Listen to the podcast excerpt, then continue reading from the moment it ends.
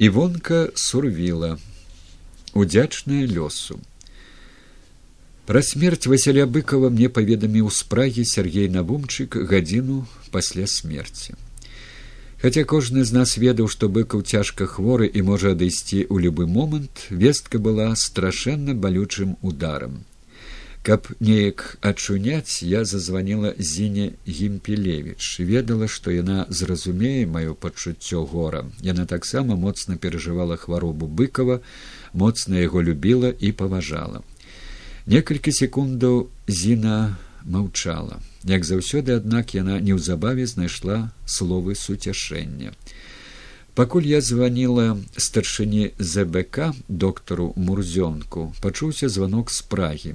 Хацелі, каб я сказала пару слоў пра быкова.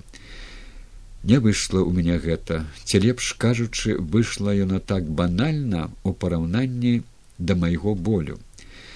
Пазнаёмілася я з васялём быкавым у двухтысячным годзе ў празе. Праўда, гэта быў другі раз, калі я яго бачыла. Першы раз мы былі апынуліся разам перад беларускім тэлебачаннем на кангрэсе свет пасля чарнобыля ў менску у 1992 годзе але да гутаркі тады не дайшло. У празе наш чакала цэлая серыя супольных захадаў на карысць беларусі. Былі мы разам і ў міністэрства замежных справаў і ў прэзідэнцкім палацы. Разам давалі прэс-канферэнцыю разам вячэрылі з чэшскімі палітыкамі разам садзілі дрэва дэмакратыі для беларусі наша праская грамада пасяліла васля быкава жонкай ірэнай у тым самым гатэлі дзе мяне толькі на наступным паверсе.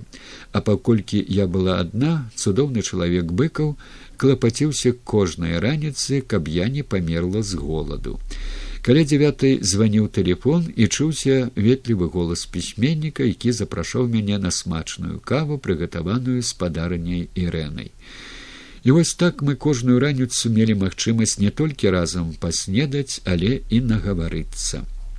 Рэшту дня праводзілі разам але ўжо спаўняючы свае афіцыйныя абавязкі. Усюды дзе нам даводзілася быць василь быкаў выказваў жаданне каб чэшскія ўлады далі магчымасць беларускай моладзі якая пацярпела ад пераследу беларусі прадаўжаць навуку ў чэхіі другі раз мы пабачыліся зноў у празе ў сакавіку две тысячи третьего году. Едучы ў прагу я яшчэ не ведала што василь быкаў хворы і толькі калі заехала мне сказалі што пісьменнік ідзе ў шпіталь гэтым разам мы толькі бачыліся на святкаванні двадцать пят сакавіка якое адбылося ў суботу двадцать другога. І зноў пару гадзін у нядзелю двадцать третьего калі мы з корэспандэнтам радыё свабода сергеем навумчыкам адведалі спадарства быкавых у іхніх памяшканні і усе разам пабедалі ў кітайскім рэстаране Пры ўсіх спатканнях спадар Васіль быў надзвычай мілым і цікавым субеседнікам. Усё, што ён гаварыў, было полнае сэнсу цікавае, хаця ён і меў тэндэнцыю бачыць жыццё ў даволі цёмных колерах.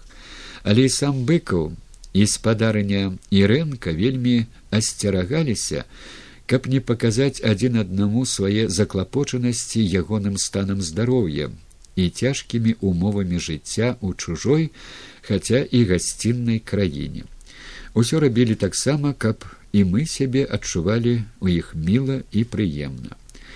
Моцна удзячныя лёсу, што мне дазволіў пазнаць Васіля быкова не толькі як выдатнага пісьменніка, творы яго муж не раз з захапленнем чытаў голасна ў нашай хаце задоўга перад маім спатканнем з пісьменнікам, але як цудоўнага полнага дабрані і ветлівасці чалавека выдатнага ўвасабленні найлепшых якасцяў нашага народу. Город атава канада